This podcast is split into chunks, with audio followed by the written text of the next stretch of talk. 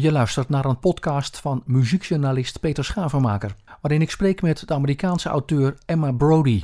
Haar boek is op 22 juni verschenen en is getiteld Janie Q. Haar oorspronkelijke boek heet in de Verenigde Staten Songs of Ursa Major en gaat over het verhaal van de 19-jarige Jane Quinn, een onbekende zangeres die tijdens het fictieve Bain Lean Festival in 1969 plotseling de populaire zanger Jesse Reed moet vervangen. Die moet afzeggen na een motorongeluk. Het boek heeft raakvlakken met Woodstock en gaat ook over de muziek van die tijd.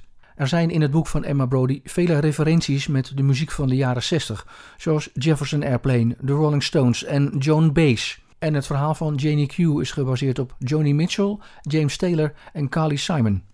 Het boek Janie Q verschijnt ook precies op de datum dat het beroemde album van Joni Mitchell Blue precies 50 jaar geleden verscheen. Uh, nice talking to you and nice uh, meeting you. So nice to meet you too. Thanks so much for joining me on. Congrats on your book, on your debut. Oh, thank you so much. Yeah. Page 142 in the Dutch version, of course. Jane uh, says, I'm in a rock and roll band. So, and there, there are lots of references to rock and roll albums, rock and roll artists. So lots of opportunities for me and links and inter- interesting things to talk about regarding music and rock and roll and uh, and history in music. Um, first, start with the uh, the conversation. The book is called Jane Q here, but the title in English is Songs in Ursa Major, Yes. uh, the debut album of uh, uh, Jane. When did you came up with the story? So I came up with this story um, while I was reading actually Carly Simon's autobiography. Uh, she had an offhand reference to running into James Taylor. This is before they were dating. And she mentioned that he happened to be dating Joni Mitchell at the time, which I had I had no idea that they dated at all. Um, and was really curious about it you know we're entitled to know everything about our celebrities and i felt entitled. Um, and so i started to look into it and it turned out that not only had they dated but they had inspired each other to write these really seminal albums and songs. Like J- james taylor is the inspiration for blue joni's song and he, plays on the album. And uh, joni was the inspiration for you can close your eyes which is a song that James Taylor has sung with so many people. And I loved this idea that this incredible music that's timeless had a story that had sort of been lost to time. And I wanted to explore that. And that's sort of the nexus of the book. Like that's how I started to think about it. Yeah, so it so it's basically expired also on music from the late sixties, early seventies, and uh, so the and the records from A&M and from uh, Warner. Exactly. Am I right or? You're absolutely right. Yeah. Uh, Why do you think uh, this is such an important era in the music history, eh? the 60s, 70s, and those two labels? It's a great question. Um, I think that, first of all, the music that came out right at that time is just so listenable. I think it's, you know, withstood all of the subsequent electronica overproduction of the 80s and 90s and it's just be, it's just stayed this like gold standard. So there's a very appealing aspect to the music itself. And then i also think it came about at this time well kind of two things right? Like the vietnam war in america was cooling down and there had been you know over a decade of protest songs and i think the public was just really ready to feel a bit mellow and sad and and to explore like a gentler sound. And then i also think for women particularly it was a time where women were starting to to break through the patriarchy and really find a way to express themselves authentically through music. And i think that that has been so resonant through the years and continues to be an inspiration. And the songs from that time are such a hallmark of that. And I think that's something that a lot of people really hold on to. Je luistert naar een podcast van muziekjournalist Peter Schavenmaker, waarin ik spreek met de Amerikaanse auteur Emma Brody. Haar boek is op 22 juni verschenen en is getiteld Janie Q. Yeah, and, and do you think Carly Simon and, and Joni Mitchell are examples of women uh, a breakthrough? Definitely. I definitely do.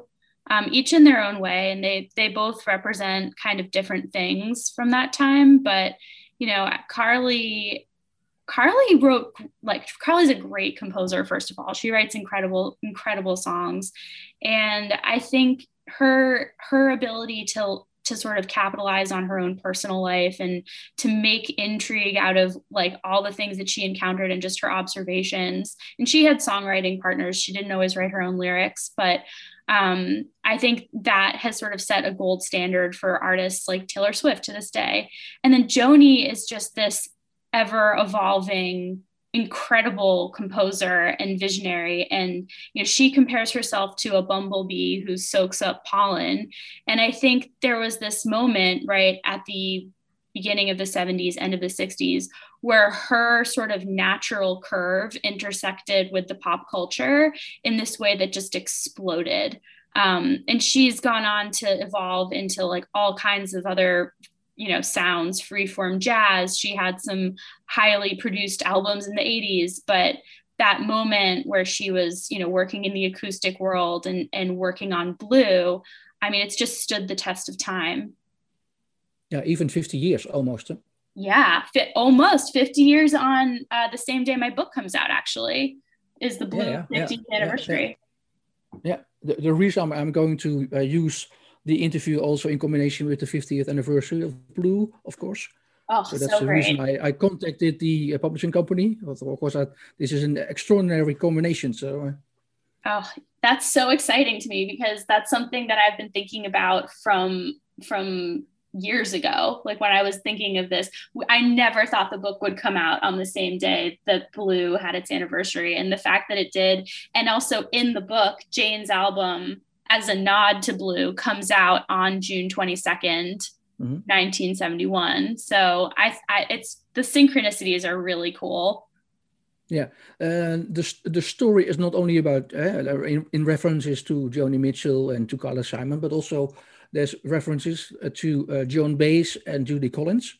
A little bit, sort of as a contrast to the other style. Like when when Jane sings her opening number at the Baleen Island Folk Fest, which is an imaginary music festival that in my in my universe there's no Woodstock. There's this Baleen Island Folk Fest.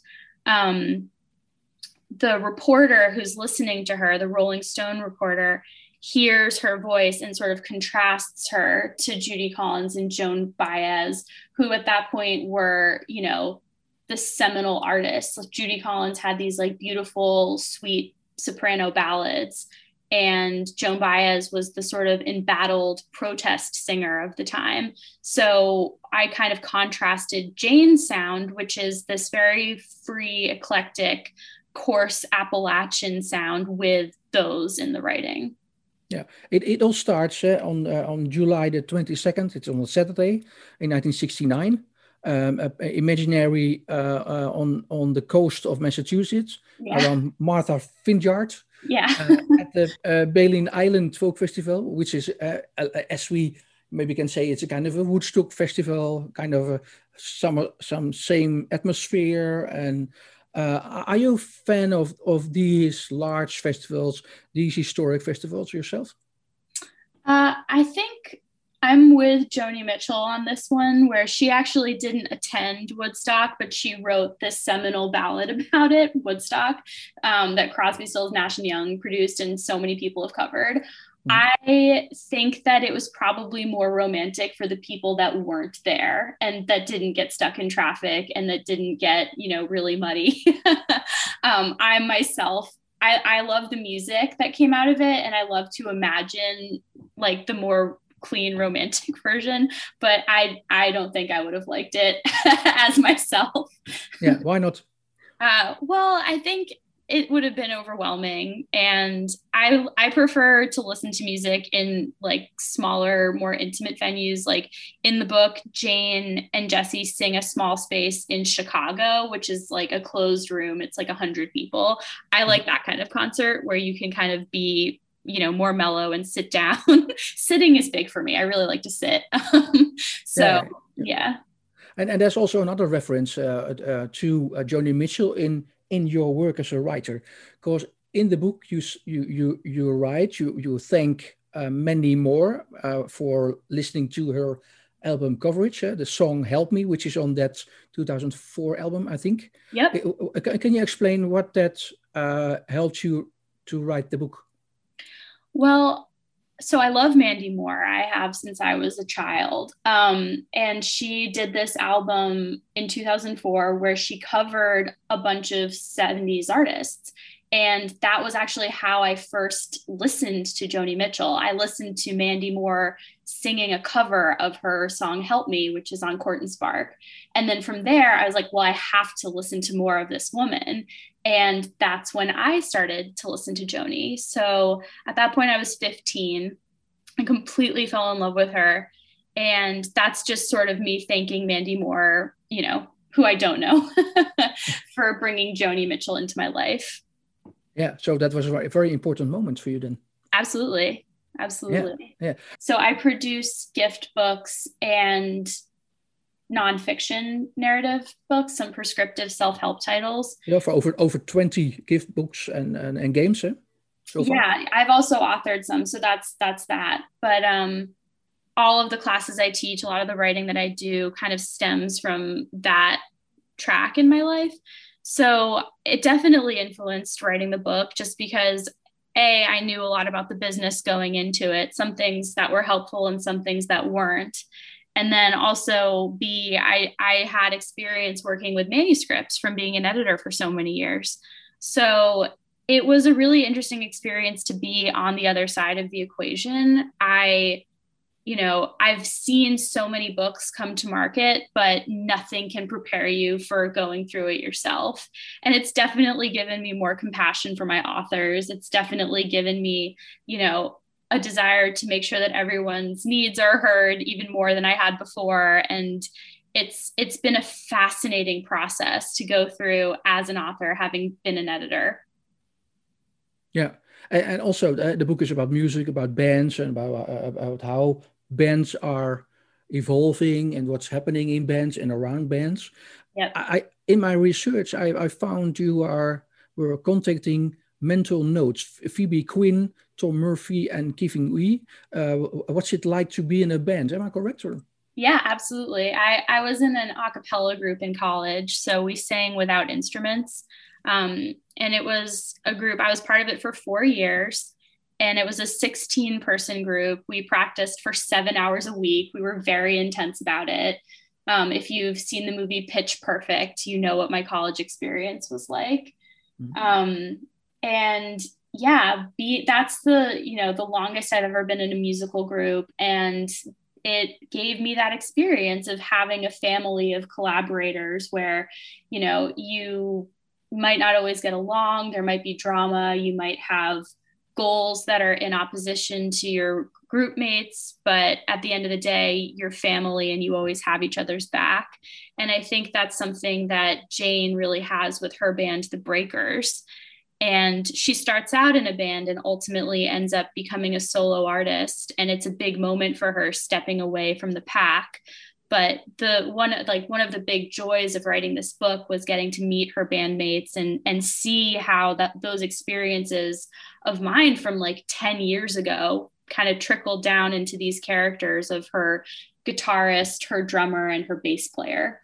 So so that experience was a good base for you to to imagine imagine how it's like to be uh, in a band and absolutely absolutely. And it, it also educated me in terms of picking out you know what a bass line sounds like figuring out what the guitar part would be understanding like how the rhythm would be mic'd and um, just having that sort of practical knowledge of the anatomy of a pop song because when you arrange for a cappella you know you are obviously listening to the melody but you're really drilling into the accompaniment because you have to reproduce it in syllables for voice. So so that helps you also uh, uh, uh, write so the imaginary in the fiction songs uh, the, from the group eh? so like sweet maiden mine uh, and spring fling and strange thing and all the other songs. Did yeah exactly yeah, yeah, it's an interesting process. Yeah, it is. Yeah, will, will the songs ever be uh, uh, in real life, like on records, or because all the song, the song, lyrics are, are, very nice? So maybe somebody could pick it up and make music to it. So.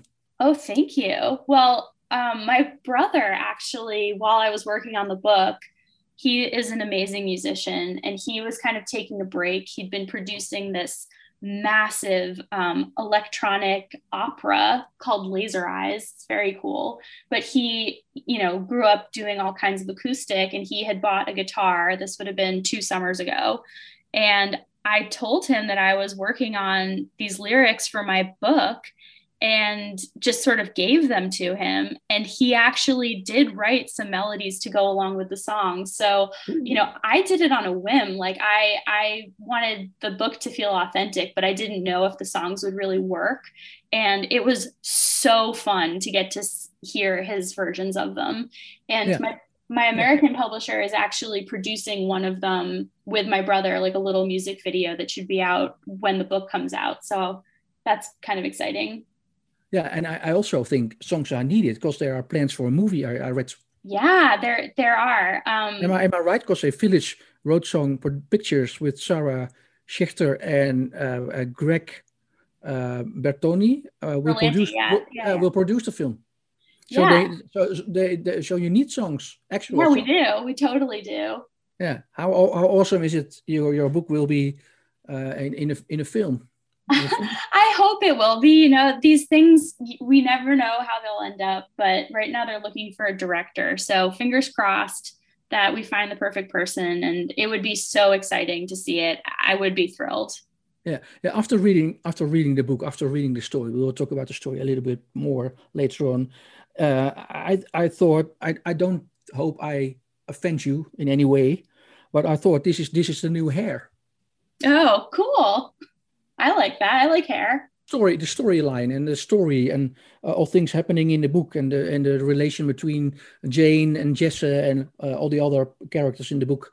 It it it gave me a kind of a feeling of musical hair and and the 60s and, and the free and and uh, freedom and and the music and uh, um, it, it, it it pictured me kind of a, a, a feeling to the musical hair that's great that's that's wonderful. Yeah i wanted to be evocative of the time and that's wonderful that it brings up hair. I feel like that was such a revolutionary thing that if i could be half that radical i'd be happy. So um, that's wonderful. The one i usually get is a star is born. So that's kind of refreshing to hear that it reminds you of hair. We, we talked about uh, female singers uh, but also the uh, the role of women is very important uh, in the book, not only female musicians, but also the, the role of, of women in relationships to men. What's the reason you uh, brought this up in the book?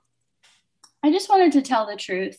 And I think sticking close to Jane, who's the main character and is a woman, would involve seeing things from her perspective. And I don't think that a woman entering into that world would be insensible to the amount of sexism she'd be experiencing. And I think, particularly for a character like Jane, who grows up kind of outside of the regular American capitalism, she grows up on this island and is ensconced with her own family who it's a it's a seven generational family of basically women. They run everything. So jane has never been in an experience where she is not deferred to. Like she is you know a very empowered person. And then when she steps into the music industry it's a huge contrast because she's you know treated with condescension and at best kind of humored and then at worst totally disrespected. And it's very clear from the minute that she steps into the recording studio that you know she's there as a means towards an end. And she is you know in love with jesse reid who's this massive pop star at the time. And he offers jane a certain amount of protection through their relationship but it's a double-edged sword because as soon as jane becomes a part of his world she will be diminished and viewed as an accessory by the public. So she's trying to walk this line of secretly dating Jesse while not letting the public know so she can maintain her own independence and her own brand, I guess, for lack of a better word, even though I don't think they would have thought of it in those terms back then. Um, and she has to make some really hard choices along the way. Like she cannot have it all, and she understands that. because of things she's seen from her own mother, who also was a musician, and just from the way that various things shake out with Jesse in the book. She is not as protected as he is, and that's clear right from the beginning. Mm-hmm. How, would you define Jesse? Because he, he doesn't have uh, the the uh, it doesn't it, maybe looks like Elvis, but he, he, he's not that kind. He is kind of a, apprenticed for uh, for a folk rock. Who, who's his references in, in music in real music? I think of him as sort of a quasi James Taylor. Um, I definitely stole the blue eyes from James Taylor and the guitar skills and the height. Okay, he looks a lot like James Taylor, but um, yeah, he's definitely his own person. But that would sort of be the comp in my mind for him. You, you picture Jane as an as a 19 year old at the beginning of the book, uh, walking on barefoot at the festival, yep. uh, where where she has to, uh, at least uh, uh, Jesse uh, has a motorcycle accident, and and then Jane asked if she could play in Jesse's place uh, with the Breakers. Um, why did you picture her as a 19-year-old uh, barefoot? Is that because of the uh, the 1969 era, or is was there also another reason for? Uh, that's a great question. Definitely wanted to get at the sort of free atmosphere of the music festival, and also just what I like about Jane is that she's very much a part of this island scene. So it's this music festival that people travel to from far and wide. And it's basically the one big weekend in this very small town a year. And she's a part of the town. So I wanted to communicate that she felt at home here. And so having no shoes on was kind of an indicator of that the other thing that you mentioned is that she wasn't expecting to perform. So basically, the way the book opens is that there's this huge music festival with a big main stage and an enormous crowd. And then down the hill, there's a little stage where all the local acts are playing. And, and because the act that's scheduled to play the main stage, Jesse, gets in a motorcycle crash at the very last minute, Jane and her garage band, their local kids, get kind of plucked up and put on the main stage very unexpectedly. So she isn't expecting to do anything. And she's basically fooling around down the hill with her friends and has taken off her shoes. And then out of the blue is brought up the hill to perform to this crowd of 8,000 people. And it all happens so fast. And she's so talented that she just gets completely swept up in the moment and doesn't even realize she's not wearing shoes when she goes on stage. Yeah, but by, by saying this, you also empathize. She's in no way a, a, naive girl, but she, she really knows what she wants. Also, reading the reading the book, eh? uh, and and also in the book you ask the question what are we willing to sacrifice for our for our dreams and that's something uh, she she had to overcome but in in no way she she reads like a naive uh, girl no, I think she's pretty street smart. I mean, Jane has grown up basically without a mother. She has a, an aunt and a grandmother who've raised her, but I think she has grown up fairly wise and in the world and she's a very empowered childhood. Like she has been looked to from a young age to help provide for her family and you know money weighs very heavily on jane's thoughts. She's constantly aware of needing to make money for her family. So i think she grew up fairly quickly and you know it's a combination of that and also the time. Um, she didn't have to deal with a lot of the social mores of the 50s just because she is a teenager in the 60s and also because she's part of this feminist family where they basically let them do whatever they want as children. So mm-hmm. she is she's pretty modern um, and she's definitely looking out for herself from the beginning although yeah, there's a lot she doesn't know yeah very, mod- very modern uh, in that age of time eh? because in the 60s uh... totally yeah yeah, uh, she's also on one moment she's very indifferent uh, uh, because she she doesn't like uh, the version of, of herself. She she likes the way uh, she has the role as a, of a pop artist and a singer. She's very indifferent. It's also interesting to read. So uh, indifferent when she's asked about recording. Yes. Mm-hmm. Yeah, she she is very very very reluctant to deal with the music industry because her own mother had a, a song, like a side gig as a songwriter. She wrote a bunch of songs that actually became really famous in the 50s, but because of crooks in the recording industry, she never was credited for her work. And so Jane's grown up in the shadow of that and basically with the idea that the music industry isn't to be trusted. And she is very reluctant to make this pastime of hers, which is basically something she does with her friends, a real dream. But at the same time, she feels the pull of it, especially after being exposed to that big crowd. It's really hard from her to turn away from what feels like her destiny. And that is a huge source of tension in the book. Yeah. You also refer to Linda Ronstadt. Yeah.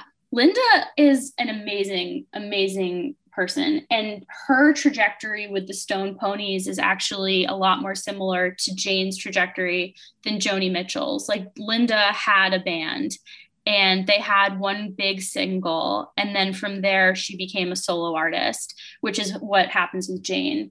Um, so there are aspects of that. Also, Linda really went up against the record business several times in a big in big public ways, and so that those anecdotes and that history are also huge inspirations for Jane. Mm-hmm. Uh, uh, songs in Ursa um, uh, the, her de- debut album uh, is uh, Quinn's masterpiece. You uh, write. Is it kind of a reference to Blue or to another album? It's definitely closest to Blue, I would say, of any other album. Um, I kind of frame them the same way in the book. Blue is for all intents and purposes, the ultimate seminal confessional album. And that's sort of how I position Ursa Major in the story as this album that people hear and it it evolves them when they hear it. Like they they go on a journey with Jane and everyone who hears these songs has their own personal reaction to it. Um, and I think the rawness that Joni Mitchell brought to Blue. I tried to give Jane some of that as well.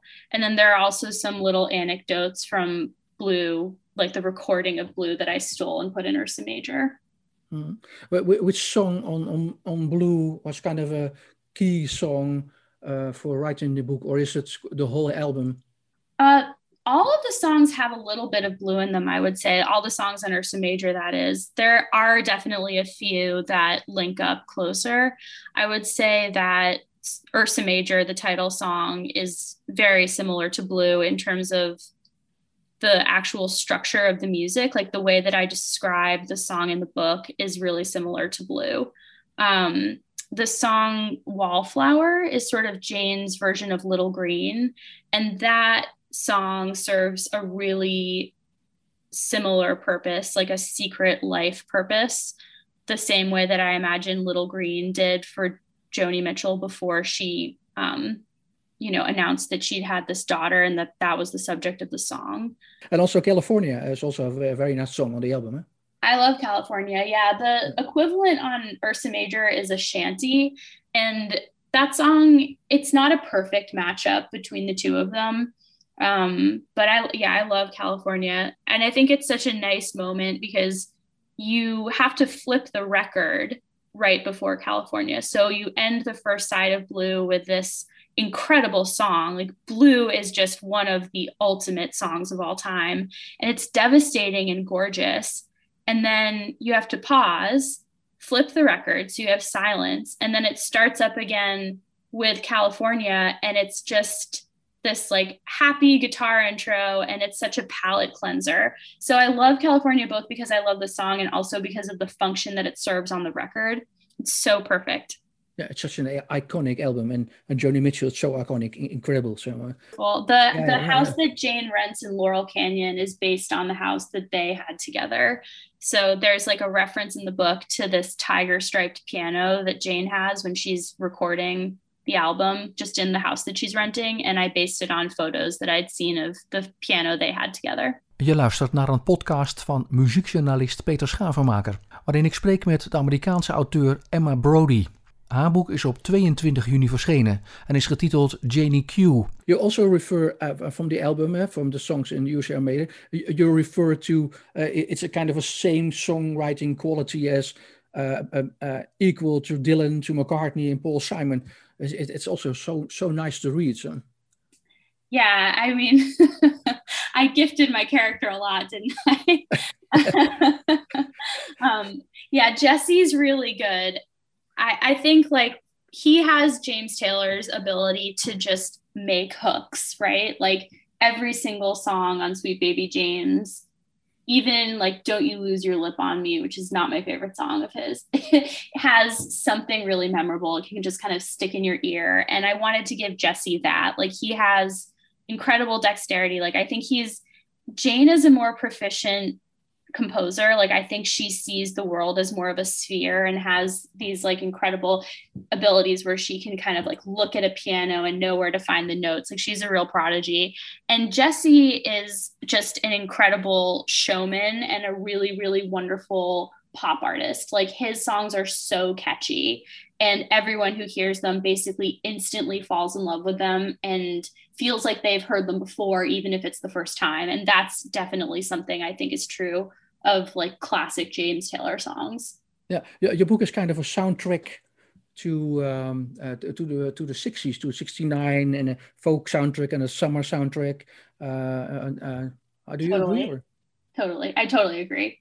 Um, yeah, I was I was listening to a lot of Blue, obviously, Mudslide Slim in the Blue Horizon, um, Sweet Baby James, Tapestry, Carly Simon's self-titled album, and I ended up like falling in love with this British artist, John Martyn. I don't know if you've ever listened to him, but he has this incredible guitar style and he's, I think he's Irish. But yeah, there are a few songs that I really loved of his and it, all of it just really fed into the book. Yeah, how, how would the song "Sweet and Mellow" sound? Because it's it it's it sounds like a Snickers bar, but yeah. how, would it, how, how would it sound in real life? So I think of Sweet and Mellow, which is Jesse's big breakout single, as a combination of Blossom by James Taylor for sort of subject matter and like the key changes. And then I would think of it as like a Crosby, Stills, and Nash Young in terms of the pickup. Like it's more of a rock song. Um, so I hear it as like this song that can both be played like really fast and, and rock and you can just rock out to it. But then also like when jane sings it she ends up singing the first verse and chorus a cappella to kind of snap the crowd into attention. And i i wanted i would want it to be something that's like ha- has room to iterate on if that makes sense. Like i would want it to have enough where she could have some like kick ass excuse me some like amazing arpeggios and and just like I, I would want it to have the scaffolding to bear. Yeah, that, that's also expansive. Yeah, melody. Also, also references to uh, to sympathy of the devil, and also uh, the Indigo song, which is a for me has a kind of a reference to White Rabbit from Jefferson Airplane. Totally. The breakers, yeah, yeah. Totally. Um, so all, all the iconic songs and and all the the, the story of, of the 60s and so if you if you are a fan uh, who's not a fan of this music uh, um, um, should should read the book. Is that also one of your things you hope people um, find with the book, except from the story between uh, Jane and Jesse? So so the the, the, the musical story be, behind all. Do you hope people uh, find that in the, in the book? Yeah, I definitely hope so. If people don't know this music, then I really hope this would inspire them to listen to it and I think getting to sort of creatively commune and think about where these sounds come from and think about what it must have been like is just a wonderful way of you know people who came later trying to participate. It's certainly my way of trying to participate.